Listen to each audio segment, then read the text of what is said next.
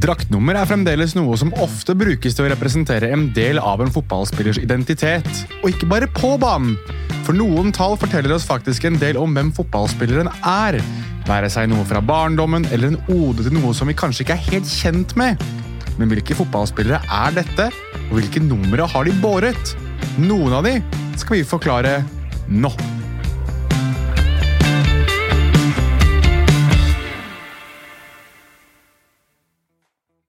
I den første delen av denne lille serien om draktnummer tittet vi nærmere på bl.a. regler i La Liga og litt om et par spillere som rett og slett ikledde seg nummer som kanskje ikke er helt relevante for deres posisjon på banen.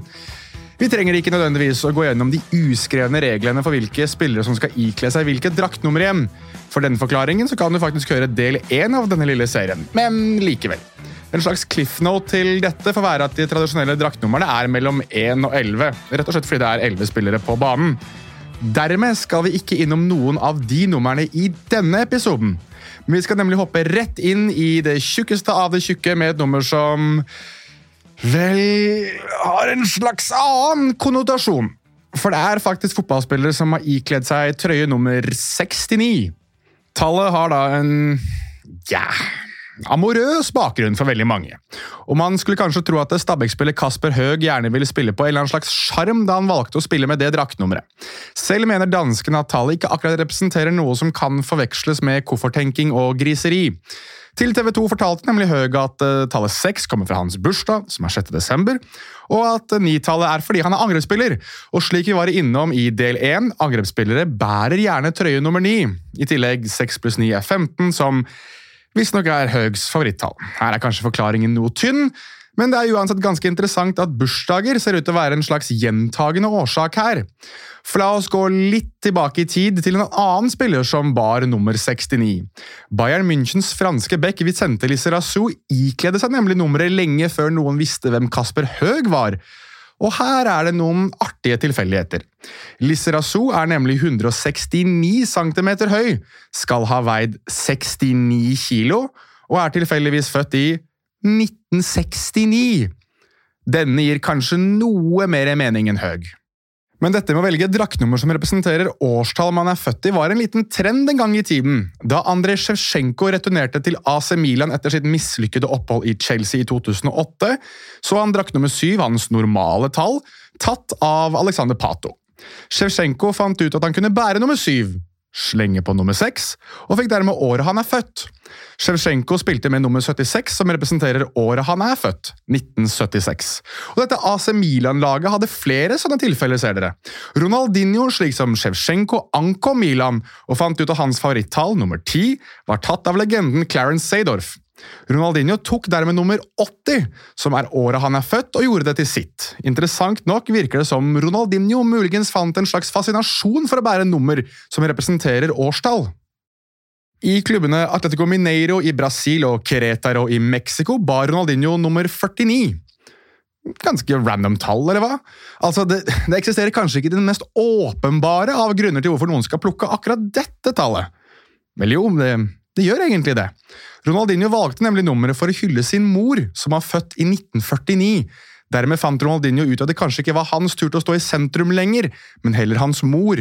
Han bar uansett trøye nummer ti senere i sin karriere. Og En annen som bar trøye nummer ti, i hvert fall i Chelsea, var Juan Mata. Derfor er det kanskje verdt å tro at han kjørte en slags 'jeg velger to nummer og plusser de sammen'-variant, slik som Ivan Samarano gjorde tidligere, da Mata valgte 64 etter å ha signert for klubbene Galatasaray i Tyrkia og Whistle Kobe i Japan. Sannheten virker uansett å være noe mer tragisk. Mata signerte for Galatasaray på høsten i 2022 og fortalte at han hadde valgt nummer 64 for å hedre sine foreldre. Min mor døde i fjor, hun ble 64 år, fortalte Mata til Galatasaray sin egen TV-kanal. Jeg ønsket å føle at hun alltid var med meg. I tillegg er min far født i 1964, fortsatte han. Dermed har Mata valgt sitt draktnummer både for å føle en tilknytning til sin avdøde mor, men også for å hedre sin far. Den tid man kanskje kan velge litt rare draktnummer, så virker Mata å ha sin noe mer gjennomtenkt. En annen som bærer draktnummer grunnet tragedie, er Phil Foden og hans nummer 47. Talksport rapporterte i sin tid at Foden faktisk har takket nei til å ikle seg nummer 10 i Manchester City fordi han ønsker å holde fatt i 47. Grunnen til dette skal være at hans bestefar Ronny døde i en alder av 47. Dermed er nummeret en hyllest som han ikke ønsker å vike fra. Patrick Cotrone er en annen spiller som gjennom store deler av karrieren har båret et veldig høyt nummer. Han har spilt med 63 i de fleste klubber han har vært innom, og dette er, slik du kanskje kunne ha gjettet, for å hedre sin far. Blant klubbene han har vært innom, finner vi Fiorentina, der det er en annen herremann som kanskje huskes enda bedre for et høyt draktnummer. For vi hopper litt rundt i denne episoden, og vi skal faktisk tilbake til nummer 49. Og det er nok flere av dere som kanskje husker Giuseppe Rossi, som hadde opphold i klubber som Manchester United, Villarreal og Fiorentina. Slik som Ronaldinho så bar han nummer 49, men ikke som en hyllest til brasilianeren, men som en hyllest til sin far, som var født i 1949, men dessverre døde i 2010. Men i Rossis tilfelle så har faktisk historien en slags del to hva angår draktnummer. Fordi han hadde allerede båret 22 i flere sesonger, men byttet til 49 for å hedre sin far. Tilfeldighetene ville ha det til at Rossis far var født 22. juli 1949. Altså, både 22 og 49 var tall som her da hedret hans far. Dermed gikk Rossi senere tilbake til sitt andre draktnummer, altså 22, men denne gang med en enda sterkere symbolikk. Men det er blitt en del død der, så det er kanskje på tide å snakke i hvert fall litt om livet også. En av de som faktisk hadde et draktnummer som representerte livet, var Alvaro Morata i Chelsea. Morata spilte nemlig med nummer 9 i Chelsea da han før 2018-2019-sesongen ba om å få bytte til nummer 29. Et rart bytte for en som alt hadde typiske spissnumre? Definitivt. Men grunnen var egentlig ganske så koselig. Morata og hans frue hadde nemlig fått tvillinger den sommeren, og de ble født 29. juli. Dermed ønsket Morata å bære et nummer som representerte hans to nyfødte barn. En annen slags hyllest, som kanskje er et mer We Made It-øyeblikk mer enn noe annet, står Newcastle-spiller Bruno Gimaraes for. Han spiller som kjent med nummer 39 og har gjort det i store deler av sin karriere. Og Grunnen til dette handler også om hans far, men på en litt annen måte. Hans far var nemlig taxisjåfør, og hans sendingsnummer gjennom taxiselskapet han jobbet for, var 39. Dermed ble han på sett og vis sjåfør nummer 39. Tallet er dermed Bruno Gimaraes ode til hans far, som ofret en masse for at han skulle få spille fotball, som i seg selv er grunn nok til å bli litt glad i ham. Og vi kan holde oss litt på 30-tallet, fordi den marokkanske keeperen Yasim Bono har nylig forlatt Sevilla til fordel for Al-Hilal i Saudi-Arabia. Der har han noe oppsiktsvekkende valgt trøye nummer 37, men det virker som også dette har en slags søt årsak. Bono gikk nemlig gradene i den marokkanske storklubben Widad Casablanca før han tok turen til Europa. Det er nemlig flere Widad-supportere som har uthevet at deres klubb, altså der det hele startet for Bono, ble stiftet i 1937. Selv om dette ikke virker å være helt bekreftet, er det derfor grunn til å tro at Bono har valgt et nummer for å hylle sin tidligere klubb. Og Hyllester finner vi flere steder. Blant den som har stått for en hyllest i form av draktnummer, er Sergio Aguero. Han bar nemlig trøye nummer 16 både for Manchester City og Argentina i lang tid, uten at det virket som noen hadde gjort noe skikkelig research for å få en forklaring på dette. Men argentinske Clarin har uansett gravd frem hva som egentlig var grunn til hvorfor Aguero valgte det noe uvanlige nummeret. Han var nemlig i et forhold med en kvinne hvis navn er Gianina Maradona. Etternavnet er kanskje kjent. Dette er faktisk datteren til Diego Maradona. Sammen har de sønnen Benjamin, så du kan jo tenke deg hvilke ekstreme gener han har. Noen har tidligere også hevdet at Lionel Messi er hans gudfar, men det er visstnok ikke sant. Uansett, massiv digresjon til side. Aguero bar nummer 16 da han var i dette forholdet, men byttet da forholdet tok slutt. Og grunnen? Gianina Maradona er født 16. mai.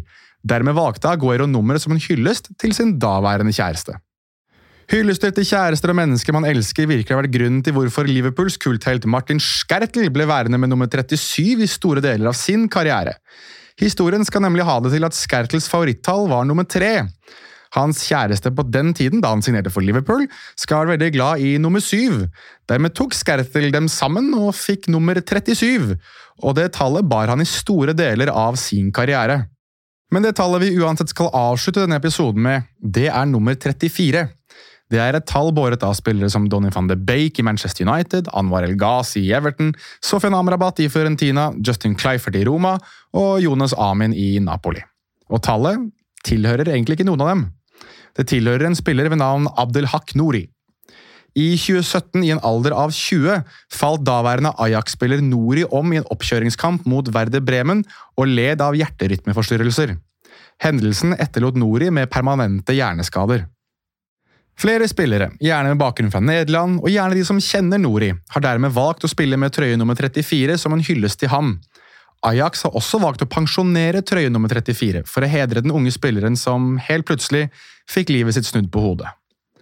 Det ble kanskje en litt trist og tragisk avslutning på denne forklaringen, men like fullt en forklaring på hvorfor historien bak noen draktnummer er større enn bare et tall. Bak et tall kan det nemlig lure seg hyllest, historier og fortellinger, og noen av dem har du nå fått forklart. Dette var det for denne episoden av Fotballforklart. Vi er på sosiale medier. Vi er at Fotballforklart både på Twitter og Instagram.